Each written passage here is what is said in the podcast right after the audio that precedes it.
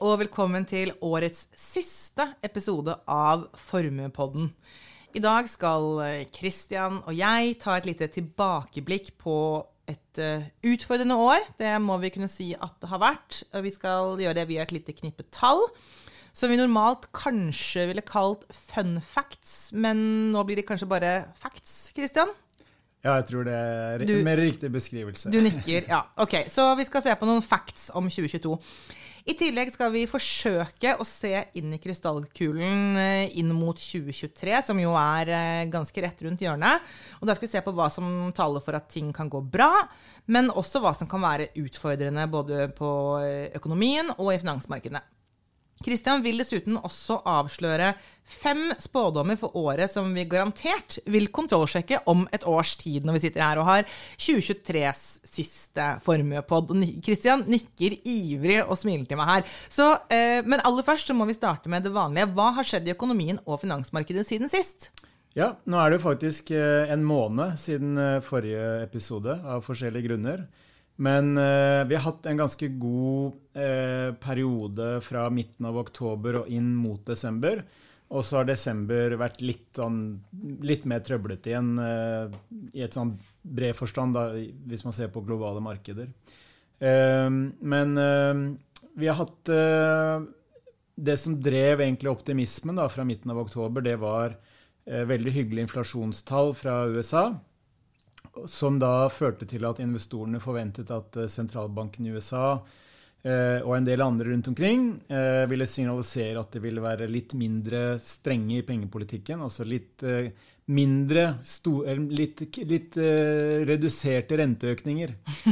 og det i seg selv ble tolket positivt. og så har det også vært forventninger om at man unngår en, en dyp resesjon, og at man får en såkalt myk landing i økonomien. Det er liksom de tre tingene som eh, stort sett eh, driver optimismen som vi har sett i perioder gjennom 2022. Eh, Men i desember isolert sett så har markedene snudd litt ned igjen.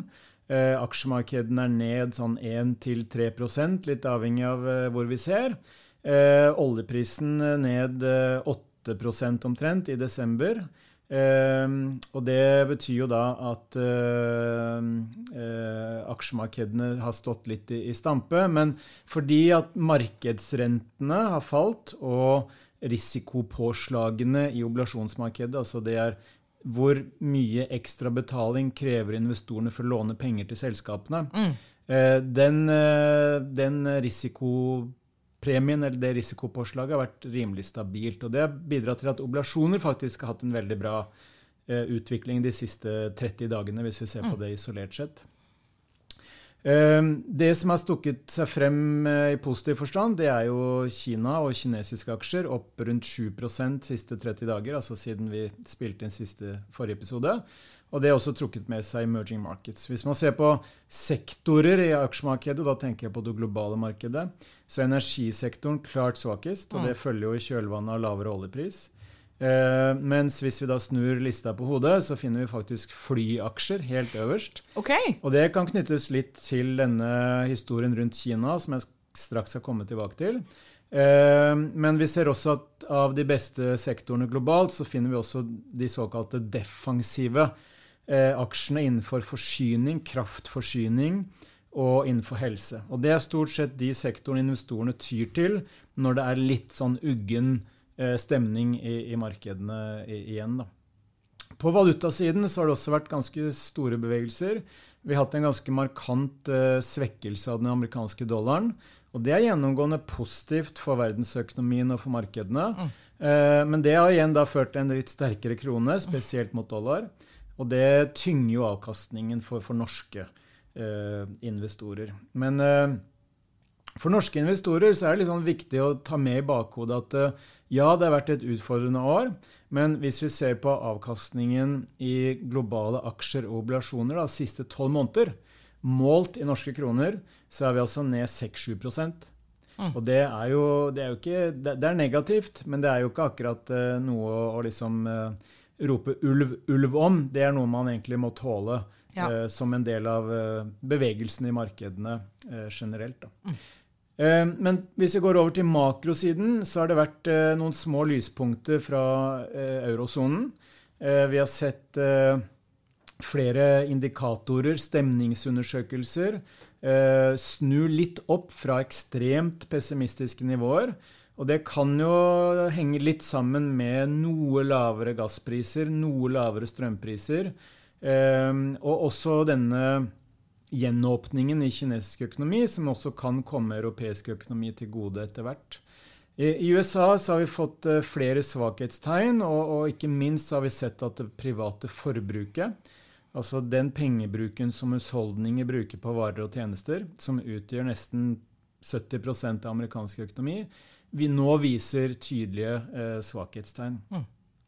Men kanskje det som har preget markedene mest gjennom eh, desember, det har vært eh, nesten en sånn uh, kinesiske myndigheter som har snudd på femøringen okay. i forhold til den nulltoleransepolitikken ja. overfor covid. Mm. Fordi det er ikke så lenge siden det kom liksom veldig tydelige signaler om at nei, denne nulltoleransepolitikken den så ut til å fortsette. Mm. Eh, og så kom alle disse voldsomme protestene eh, i gatene i mange ulike byer i Kina. Eh, og hvor det var ganske tydelig kritikk mot myndighetene også. Eh, ned med Xi Jinping osv. Og, så og det, Oi, er ikke, ja. det er jo ikke dagligdags i Kina. Nei. Og rett i kjølvannet av denne protestbølgen så snudde myndighetene altså på femøringen. Og slapp opp ganske mange av disse restriksjonene, og det er egentlig bare fortsatt. Ja. Men fordi man da har en relativt lav andel vaksinerte, Eh, vaksin, vaks, vaksinen i seg selv er dårligere mm. enn de vestlige vaksinene. Og man har begrenset sykehuskapasitet. Så har dette ført til en ganske kaotisk eh, smitteutvikling i, i, Kina. Hvor eh, det antas nå at det er liksom over 40 millioner eh, som er smitta samtidig. Man ser flere vestlige bedrifter som har eh, eh, kontorer i Beijing f.eks. Mm. Der er halvparten nå ute med, med covid. Eh, og de, de, tallene vi får rundt dødsfall osv., og, så og smittede osv., de er nå ikke til å stole på. For det er tydelig at myndighetene liksom, prøver å legge litt eh, lokk på hva som faktisk skjer da, knyttet til smitt, disse voldsomme smitteutbruddene. Så langt så høres ikke dette ut som noen særlig positiv historie? Nei, men, men på en annen side så er liksom det Jeg tror myndighetene har tenkt, da, det er at nå får dette briste eller bære. Mm. Og så langt så er det jo slik at uh, den virusvarianten som dominerer Kina, den har ikke veldig høy dødelighet. Nei. Og det betyr jo at myndighetene har tenkt at ok, nå er viruset såpass uh, mildt, snilt, mm. snilt at uh, dette må kanskje til for at vi skal få økonomien i gang igjen. Og det har også vært veldig tydelige politiske signaler nå nylig de siste dagene om at det å få den kinesiske økonomien opp i gir igjen, det har veldig veldig høy prioritet. Mm. Uh, så det er jo noe markedene liker. fordi hvis uh, kinesisk økonomi virkelig akselererer, som den har potensial til å gjøre gjennom 2023, så vil jo det bety økt etterspørsel etter råvarer. Det kan bety økt aktivitet innenfor reiseindustrien, ikke bare i Kina, men også eh, ut av Kina og inn i mm. Europa, inn i mm. USA osv. Og det kan jo da gi en positiv impuls eh, til verdensøkonomien i en ellers tøff tid, eh, både for amerikansk og europeisk eh, økonomi.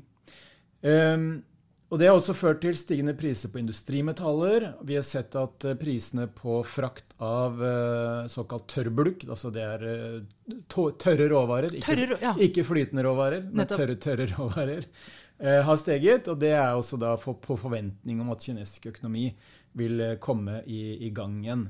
Eh, en ting som jeg vil avslutte med når det gjelder makrobildet her, det er jo at eh, vi har kraftig inverterte rentekurver. Dette er jo noe vi har snakket om før. Ja. Men dette med rentekurver, det er jo da altså Hvordan er de korte rentene i forhold til de lange rentene. Mm. Og korte renter, det er jo markedets eh, forventninger om hvor styringsrenten vil være f.eks. ett til to år frem i tid. Mm. Mens langrenter, det er markedets forventninger til hvor styringsrenten vil være f.eks. 5 eller 10 eller 30 år frem i tid. Mm. Og da er det slik at når de korte rentene er høyere enn de lange, ja så har vi da en såkalt invertert rentekurve. Og det er da et signal om at investorene oppfatter at styringsrentene vil være så høye de neste kvartalene at det vil tynge veksten og inflasjonen frem i tid. Mm. Og når vi da har hatt uh, så kraftig inverterte rentekurver som vi har nå i USA, så har det alltid vært et uh, ganske tydelig resesjonssignal. Og det er nok med på å liksom dempe stemning litt i markedene også i desember. At uh, det, det, liksom, det, skal nesten godt gjøres å unngå en resesjon. Spørsmålet er liksom bare hvor dyp og langvarig den blir.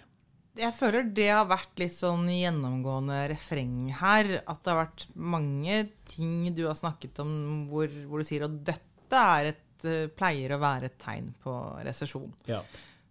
ja. Men, men, det man også sier, da, eh, spesielt mye på Hamar og Innlandet nå, ja, nettopp. det er 'This is the most anticipated recession ever'. Ok, ja. Fordi gjennom hele 2022. ikke sant? Mm. Kraftig renteøkning, inflasjon, krig, masse problemer. Nå må det jo bli en økonomisk krise. Ja. Men gjennom 2022 så har egentlig økonomien klart seg rimelig bra. Ja. Men det er drevet av en del forhold som vi skal komme litt tilbake til. Mm. Og de positive driverne de er ikke nødvendigvis evigvarende. Mm. Og det kan være at liksom, ting må gå litt dårligere før det kan gå bedre igjen i, i økonomien. Men, men, dette kan vi komme litt tilbake til. Hvis du kan svare med en sånn enkel ja eller nei eh, eh, er vi på et litt bedre eller litt verre sted nå enn da forrige, forrige innspilling? Nei, altså I finansmarkedene så er vi jo på et litt bedre sted, litt fordi, bedre sted. fordi kursen har steget. Men i økonomien så er det litt avhengig av hvor man ser. Mm. I, I, Kina så er man på et verre sted, sånn rent helsemessig. Ja. Men man er kanskje på i, i, starten av det som kan bli eh, en langt bedre utvikling i kinesisk økonomi. Nettopp. Det er bra. I, I USA så vil jeg si at vi er nok på et verre sted enn det vi var. Eh, Ja. Fordi vi har sett flere ting som går i feil retning. Det betyr ikke at vi er på et veldig dårlig nivå, men endringstakten er negativ. Yes, og med det så må vi videre til neste punkt på programmet. Fordi eh, vi vil ta et lite Dette er jo tross alt den siste episoden vi har i år. Og da, som seg hør og bør, må vi jo ta et lite tilbakeblikk på 2022. Og du har til og med lovet noen fun facts, eller i hvert fall facts, om, Ja, det, det om det. facts. Ja. Facts. Ja. Eh, det, det første jeg tenkte jeg skulle peke litt på, det er jo eh, 40. Tallet 40. Tallet 40. Fordi i 2022 så har vi hatt den høyeste inflasjonen på 40 år i veldig mange vestlige økonomier. Og i USA så nådde inflasjonen over 9% og i Europa så har vi hatt inflasjon over 10 Oi. og i Norge så har vi også hatt inflasjon liksom over 6-7% Heller ikke veldig normalt. Og et annet interessant tall som er ganske ekstremt, det er 45,8% Fordi det var nemlig det høyeste nivået på 100 år i tyske produsentpriser. Oversatt til norsk. Det er altså prisoppgangen i, på de innsatsfaktorene som tyske bedrifter må betale for sine råvarer, komponenter eh, osv. Mm. Og det kom eh, nå for eh, ikke så mange måneder siden. Men det var da altså en prisoppgang på nesten 46% på innsatsfaktorer til tysk industri. Høyeste nivå på 100 år. Oi. Hva, hva er liksom normalen på, på, på det? På et, på et normalt år? Nei, altså det kommer, kommer litt an på hvilket år man ser på. Ja. Da. Men altså, hvis vi, hvis vi ser liksom på de siste 10 årene, 10-20 årene, Mm. så har det jo vært veldig lav inflasjon, Ja. spesielt etter finanskrisen. Mm. Da har jo sentralbankene slitt med å få inflasjonen opp mot 2 okay. Så nå snakker vi altså om inflasjon på 7, 8, 9, 10. Ja. Yes. Et annet eh, morsomt eh, tall, det er eh, 284. 284. Fordi ved inngangen til eh, 2022 så trodde nemlig globale fondsforvaltere, altså de, de store institusjonelle miljøene, de trodde i en spørreundersøkelse at eh, det kom til å komme to renteøkninger fra den amerikanske sentralbanken i 2022. Men hvis man da legger en ganske mye, et, et større antall renteøkninger i USA oppå alle, alle andre globale sentralbanker sine renteøkninger i år, så blir det 284 til sammen. 284 renteøkninger fra, fra, Fra de globale sentralbankene. de globale sentralbankene. Og det betyr da i gjennomsnitt mer enn én renteøkning per handelsdag Mm. gjennom 2022. Og det er jo da den heftigste innstrammingen i styringsrenter også siden begynnelsen av 80-tallet. Det neste tallet, eh, det er 1969. Fordi i USA i år så har vi hatt den laveste arbeidsledighetsraten siden 1969. Og det er da en arbeidsledighetsrate på 3,5 Ja. som vi hadde for ikke så mange måneder siden. Og dette er også et litt sånn interessant eh, bilde på arbeidsmarkedene generelt i store deler av verden. Hvor det er fortsatt da, til tross for alle disse kriseoverskriftene og mye trøbbel, fortsatt mangel på arbeidskraft. Mm. Så i en situasjon hvor man normalt skulle da sett at liksom økonomien gikk dårlig, arbeidsledigheten steg, så har man egentlig hatt eh, ekstremt lav arbeidsledighet. Det neste tallet det er minus eh, 35 Ja. Fordi i 2022 så hadde vi på det verste et kursfall Mm. på 35% for amerikanske statsobligasjoner med 30 års løpetid. Altså det er veldig lange Mm. eh, statsobligasjoner.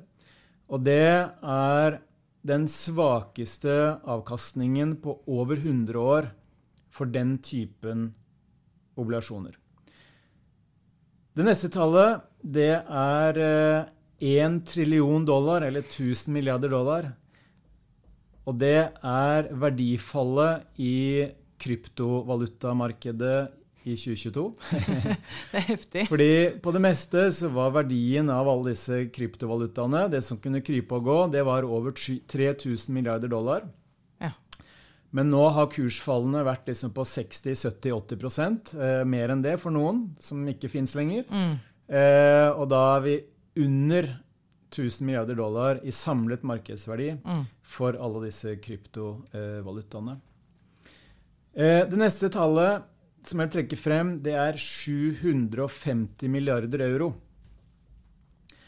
Eh, jeg skal ikke spørre deg tippe, be deg om å tippe hva dette er, men det er den samlede finanspolitiske stimulansen i eurosonen og Storbritannia i 2022 for å begrense de negative økonomiske konsekvensene pga. krigen og energiutfordringene det har, har, har, har utløst. Samlet i hele eurosonen.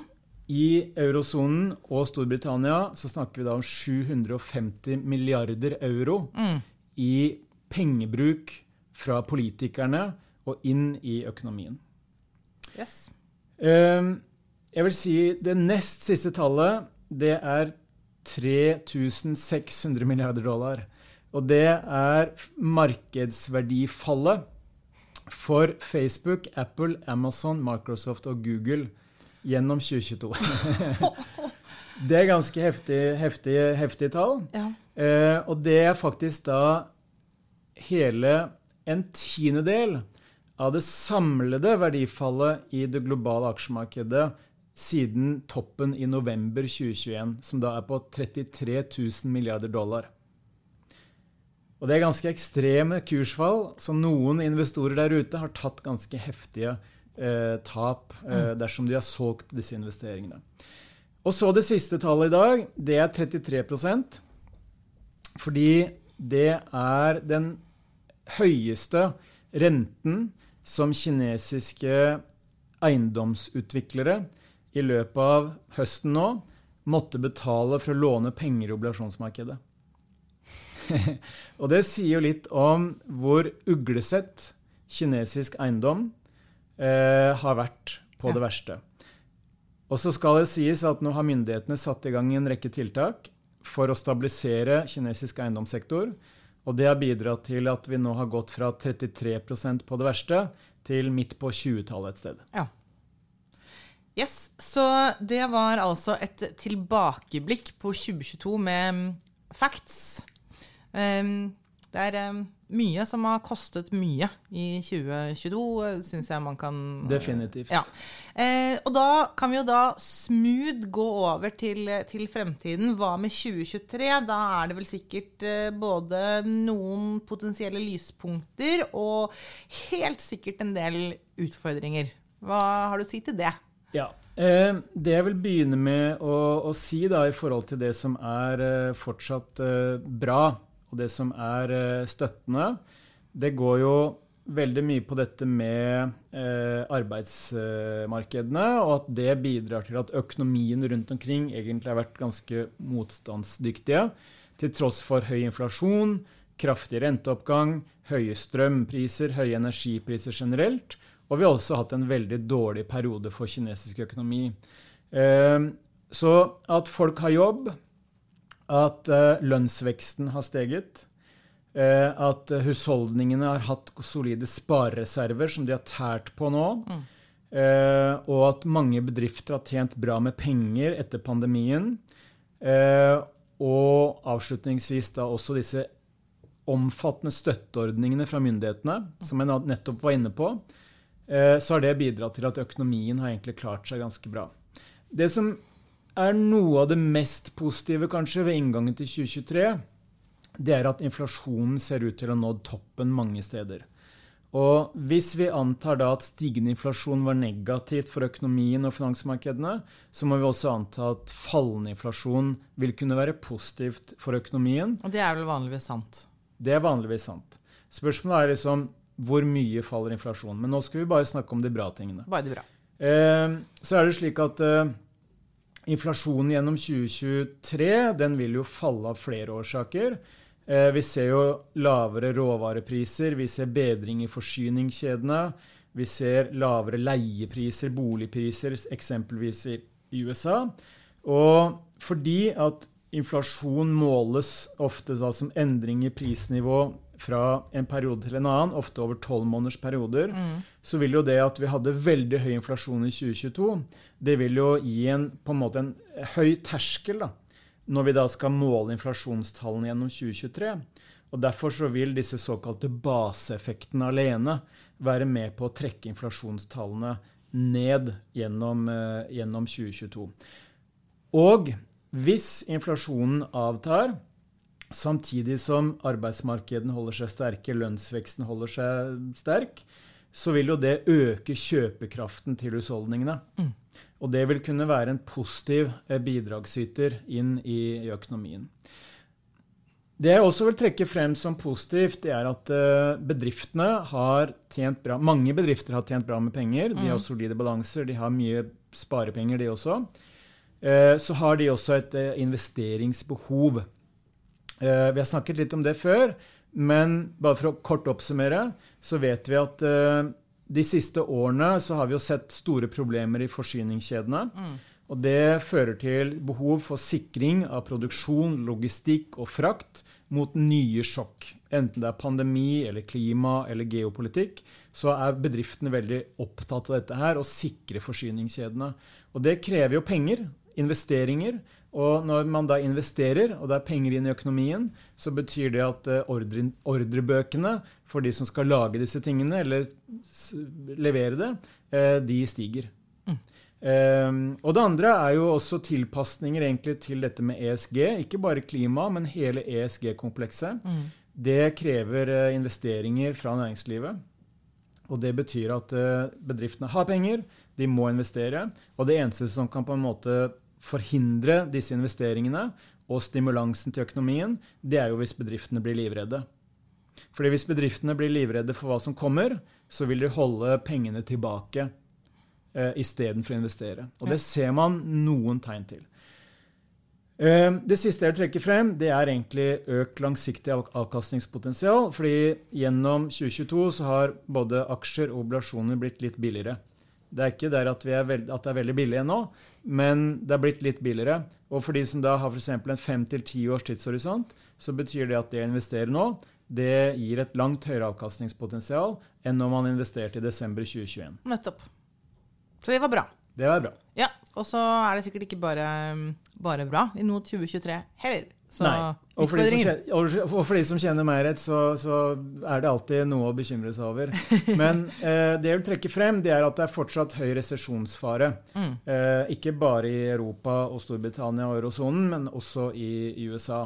Og sånn som i USA, så har jo sentralbanken varslet at vi er ikke ferdig med å heve rentene.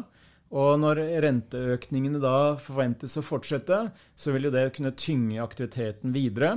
Og det vil etter hvert også kunne svekke arbeidsmarkedene. Og hvis arbeidsmarkedene svekkes såpass mye at forbrukskapasiteten virkelig eh, blir lavere, så vil jo det kunne skape en sånn negativ økonomisk spiral som kan ende opp i en, en, en resesjon. Eh, det vi også ser, det er jo at eh, både i USA og Europa så har husholdningene nå liksom tært på disse sparereservene sine. Og hvis vi ser mot uh, den amerikanske økonomien, så er husholdningenes sparing som andel av deres disponible inntekt, den har nå falt til bare 2,3% Og det er uh, nesten uh, bare en tredjedel av det som har vært et historisk normalnivå. Og det tyder jo på at nå er det langt større potensial for at de må begynne å spare, enn at de skal tære ytterligere på spare, eller på, på spare enda mindre. Eh, det er nesten ikke kapasitet til det. Og det kan eh, være et signal om at eh, forbrukskapasiteten begynner å bli litt mindre. Ja. Det jeg også vil trekke frem, da, det er at disse inflasjons- og renteutfordringene de, de, er nok ikke over. Eh, vi vet jo at inflasjonsbølgen gjennom 2022 den kom overraskende på, på de fleste, også ekspertene. Og derfor så er det også Hvorfor det? Jo, fordi det man trodde ved inngangen til 2022, det var at når man så at inflasjonen begynte å, å, stige, så tenkte man at ok, men dette er bare en konsekvens av eh, eh pandemien. Ja, nå at, åpner vi opp igjen. At, ja, ikke sant? At det var høy etterspørsel ja. etter varer, samtidig som vi hadde disse forsyningskjedeproblemene. Og da det var dette midlertidig transitory, som det het. Mm. Og man trodde liksom ikke at nei, dette blir jo ikke noe stor, alvorlig bølge, dette er midlertidig. Mm. Og så kom jo krigen i Ukraina, og da fikk man ytterligere en sånn uh, impuls inn til mat- og energiprisene spesielt, ja. som da skapte, eller ga inflasjon vann på mølla. Som etter hvert også da begynte å trekke løn lønningene oppover, eh, fordi det var mangel på arbeidskraft. Nettopp. Så hvis vi da antar at uh, ingen egentlig klarte å spå at inflasjonen skulle stige så mye som den gjorde, så er det også grunn til å tro at uh, det er litt uh, blåøyd å tro at inflasjonen vil bare lineært falle ned mot 2 mm. slik som markedene egentlig spår og tror per i dag. Det kan komme nye overraskelser, eh, eksempelvis knyttet til eh, energi- og råvaremarkedene. Der kan det komme nye bølger. Og vi vet også at hvis arbeidsmarkedene forblir sterke, så kan lønnspresset vedvare. Og vi vet også at hvis Kina åpner opp igjen, og man får liksom en heidundrende fest i kinesisk mhm. økonomi, mm -hmm. Så vil det også kunne være med på å gi en ny uh, inflasjonsimpuls. Uh, Et spørsmål til om dette med, med, inflasjon og hva man kunne forutse og ikke forutse. For man, som du sier, krigen kom jo overraskende og ga en ekstra impuls og gjorde alt mye verre. Uh, for de andre tingene var kanskje mer forbigående hvis ikke den krigen hadde kommet i tillegg. Kan det komme andre type sånne store ting, hendelser i verden, som kan påvirke inflasjonen i den andre retningen? Kunne, altså kan det komme en overraskelse som gjør at ting går mye bedre? Som, altså krigen gjorde at ting ble mye verre. Hva er eksempel på en eh, overraskelse motsatt fortegn, da? Ja, eh, ja, altså, ja, eh, jeg tror at hvis inflasjonen skal ned da, til eh, 2 og sentralbankene er så komfortable at de kan kutte rentene, så er det vanskelig å se for seg at det kan skje uten at arbeidsmarkedene skal svekkes vesentlig. Fordi det er vanskelig å få til inflasjon på 2 eh, med lønnsvekst på 5 eller 6% Lønnsveksten må i utgangspunktet kanskje ned til 3,5 eller 3 mm. for at det skal samsvare med et inflasjonsmål på 2% eh, Pga. produktivitetsveksten derimellom. da. Eh, men jeg tenker jo at en resesjon det vil jo løse inflasjonsproblemet ganske effektivt. Ok, greit. Eh, men Det man kan håpe på, og det markedene håper på, er at vi får liksom en, en myk landing i økonomien, hvor ting går litt dårligere. Og det blir kanskje en kort og mild resesjon. Men ikke så ille. Men ikke så ille. Mykt. Og det er, det er jo det markedene sier nå. Ja. Eh, det kan få inflasjonen liksom etter hvert ned mot målsetning, uten at det blir noen stor økonomisk krise. Ja. Og med en gang sentralbankene da kutter rentene, og man får liksom kontroll på inflasjonen, så tror mange, eller forventer mange at ok, da kan festen begynne igjen. Det gleder vi oss til. Det gleder vi oss til. Ja. Men jeg tror ikke det nødvendigvis er så enkelt. Nei, eh, jeg avbrøt deg litt, eh, for jeg syns det, det er veldig interessant. Og det, det er noe av det jeg har lært mye av nå i det året som har gått. Eh, Men var du ferdig med utfordringen, eller var det noe mer der? Nei, vi, har, vi har et par punkter til. Ja. Jeg skal gå raskt gjennom. Yes. Og det, det, det vi ikke kommer utenom, det er jo at vi har fortsatt et veldig høyt geopolitisk spenningsnivå. Ja. Og det er jo uforutsigbare ting. Eh, vi vet at eh, krigen i Ukraina den er på ingen måte over. Og den har fortsatt potensial til å eskalere. Eh, og det vil jo helt klart være veldig negativt. Men den har også potensial til å, å snu i riktig retning. Og det vil kunne da dempe en del av den krigsfrykten og den, den geopolitiske risikopremien der ute. Eh, Kina og USA har jo gjenoppretta en del kommunikasjon, og det er for så vidt positivt. Men den, den økonomiske, teknologiske konflikten mellom Kina og USA den er mer økende enn fallende, bl.a. fordi dette er noe alle amerikanske politikere er enige om, uansett hvilken side av gangen de sitter på. Ehm, og det siste det er kanskje det at jeg vil si at det er når vi venter på at festen skal begynne igjen, altså når er det markedene skal snu, så føler jeg fortsatt at det er, vi er ikke helt der. Nei. At vi er klare for et, et ny oppgangsperiode som skal være nesten fri for bekymringer i fem år til.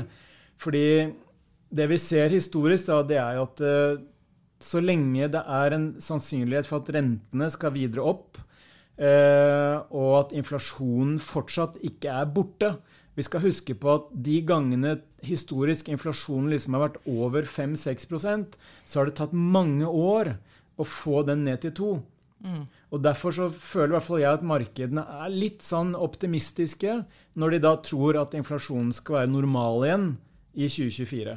Vi tror det. Ja, markedene priser inn det. Ja. Og det, det overrasker meg litt, for å være helt ærlig. Så De i kan dag kanskje ikke sin økonomihistorie, de, da. jo da, det gjør det, men, men vi skal også huske på at det rammeverket da, som veldig mange investorer og analytikere bruker for å analysere inflasjon, det er jo det rammeverket vi er vant til fra de siste 20-30 årene, hvor inflasjonen har vært fallende og lav. Ja. Og det er relativt få analytikere i dag som liksom levde gjennom 70-tallet og, og, og husker hvordan inflasjon faktisk kan befeste seg. Ja. og, og, og være et problem ikke bare i noen måneder, men i, i flere år. Så jeg tenker det at eh, selv om vi nå kan se at økonomien etter hvert blir svakere før den blir bedre igjen, eh, så har en av de viktigste faktorene for at vi skal få denne festen i finansmarkedene, det har vært sentralbankene. Fordi spesielt etter finanskrisen så har liksom Hver gang det har vært problemer i markedene, så har sentralbankene trøkt til med lavere renter eller signaler om mer pengetrykking, og så har festen begynt igjen. Eh, men fordi inflasjon nå har kommet, eh, ikke bare av det vi kaller sykliske årsaker, årsaker, men også av mer strukturelle årsaker, så er det grunn til å tro at sentralbankene vil være veldig forsiktige med å sette i gang den festen gjennom å kutte rentene og begynne å trykke penger igjen. Og Det betyr at eh, ja, markedene kan gå bedre tider i møte, det er ikke det, men vi vil ikke få den der ekstreme drahjelpen fra nullrenter og pengetrykking og, og ekstremt stimulerende eh, sentralbanker. Yes, så det var det dårlige. Og da skal vi over på siste punkt på dagens program. Eh, og da, da var det sånn at vi begynte jo denne podkasten i januar 2022, mener jeg at vi hadde første innspilling.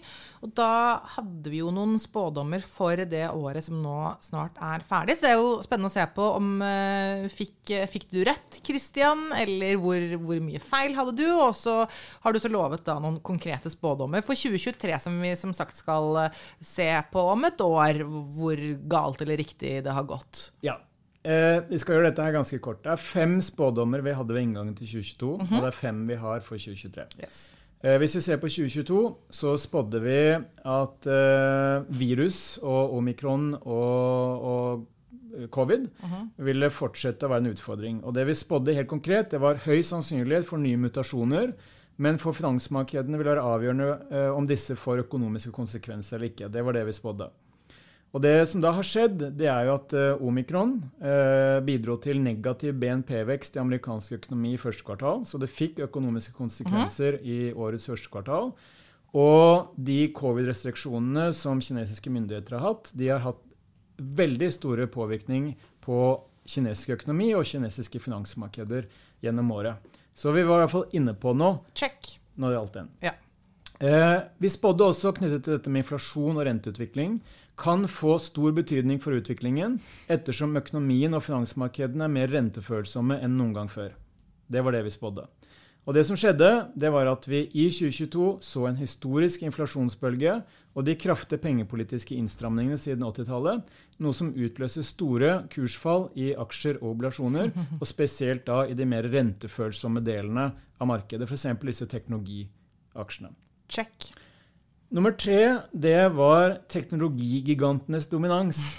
Og Der spådde vi at de største amerikanske teknologirelaterte selskapene har drevet en uforholdsmessig del av kursoppgangen i globale børsindekser, men historien har vist at et slik hegemoni sjelden er evigvarende.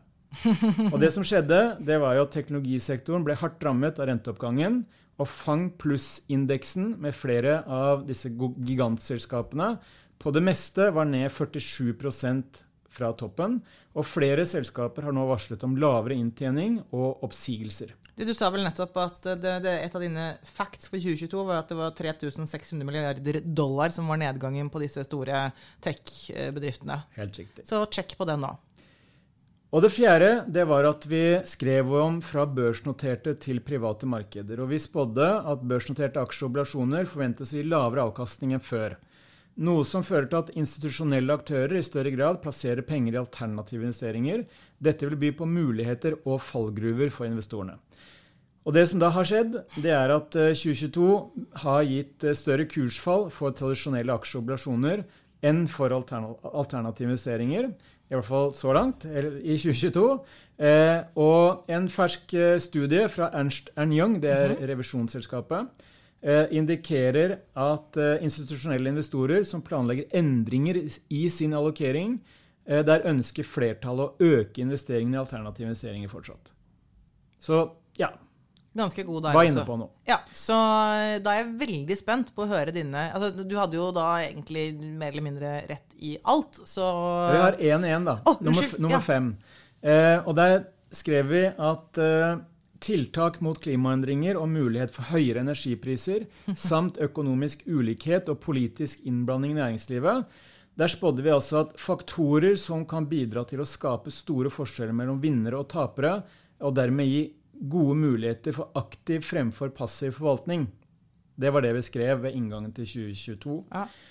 Og det som har skjedd, det er jo at klimaendringer og krigen i Ukraina det bidro til høyere energipriser, samt betydelig politisk innsats for å akselerere det grønne skiftet. Året ble preget av, en, eh, eller, eller, av flere politiske inngrep i næringslivs rammebetingelser globalt, og ikke minst i Norge.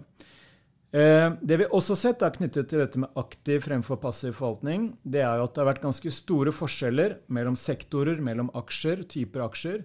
Og det har bidratt til at det er en høyere andel aktive fond som har gjort det bra i år, relativt til det som har vært vanlig. Så vi ja, inne på noe der også. Så da blir det jo utrolig spennende å høre dine fem spådommer for 2023, når det var da så, så spot on på 2022. Og da kan det jo bare gå dårligere, nesten. ja, det er sant. Ja. Det, er noe, liksom, det, er ikke noe, å vinne på det her, men Nei. uh, Men uh, Det første det er eh, høy resesjonsfare i Europa og USA. Eh, og det jeg skriver da ved inngangen til 2023, det er at de kraftige renteøkningene og fortsatt høy inflasjon vil påvirke økonomien negativt. Ledende indikatorer, rentekurver, stemningsundersøkelser og boligprisfall øker reses resesjonsfaren. Ja, Det var nummer én. det var nummer én. Nummer to det er bedring i kinesisk økonomi. Det har vi snakket litt om. Utfasing av nulltoleransepolitikk, stimulanser rettet mot eiendomssektoren, oppdemmet etterspørsel fra husholdninger og bedrifter vil gi høyere vekstrater. Ja. Nummer tre mulighet for ny oppgang i energi- og matpriser. Ytterligere ekstremvær relatert til klimaendringer, geopolitisk spenning og lave lagernivåer for olje, petroleumsprodukter, jordbruksråvarer gir økt følsomhet for nye produksjons- og- eller forsyningsforstyrrelser. Nummer fire inflasjon og renter forblir en kilde til uro i finansmarkedene. Fordi, som vi har vært inne på, det har historisk tatt mange år før høy inflasjon normaliseres. Og prisveksten avtar heller ikke en rett linje. Dette gir muligheter både for positive og negative overraskelser, og dermed store markedsbevegelser også i 2023. Der føler jeg du safer litt når det er mulig for både positive og negative effekter. Det er sant. Men at inflasjon og rente forblir en kilde til Ja, uro, yes. i Det er ikke markedene. safe. Nei. eh, det er ja, ingen smooth sailing. Nei, det er ikke en smooth sailing. Og den siste statsobligasjoner får et langt bedre 2023 enn 2022. Og dette er litt interessant, fordi i 2022 så, så vi kraftig oppgang i markedsrentene, som ga et historisk svakt år for statsobligasjoner. Men i 2023 så vil kombinasjonen av høy resesjonsfare eh, kombinert med avtagende inflasjon og et høyere løpende avkastningsnivå på oblasjoner kunne gi et langt bedre grunnlag for positiv avkastning i 2023. Yes. Og det er faktisk noen som mener at statsobligasjoner det vil kunne bli den beste investeringen i 2023. Spennende. Ja. Det var dine fem spådommer for 2023. Og med det så tror jeg vi skal runde av. Og da tenker jeg at uh, vi uh, høres igjen på nyåret i januar. Da eh, burde du egentlig gå mer i dybden på disse spådommene dine, for nå ble det jo veldig, veldig overfladisk. Viktig selvfølgelig å få fram hvor, hvor rett vi hadde om starten av 2022. Så da tror jeg bare sier takk for i år, Kristian. Det har vært veldig, veldig hyggelig. Takk det samme, Ja, og god jul. God jul. Jeg gleder meg, jeg gleder meg masse til, til neste år, og også gå mer inn i dybden på Det blir et veldig spennende år. Det blir et veldig spennende år. Og tusen takk til deg som lyttet, og god jul og godt nyttår.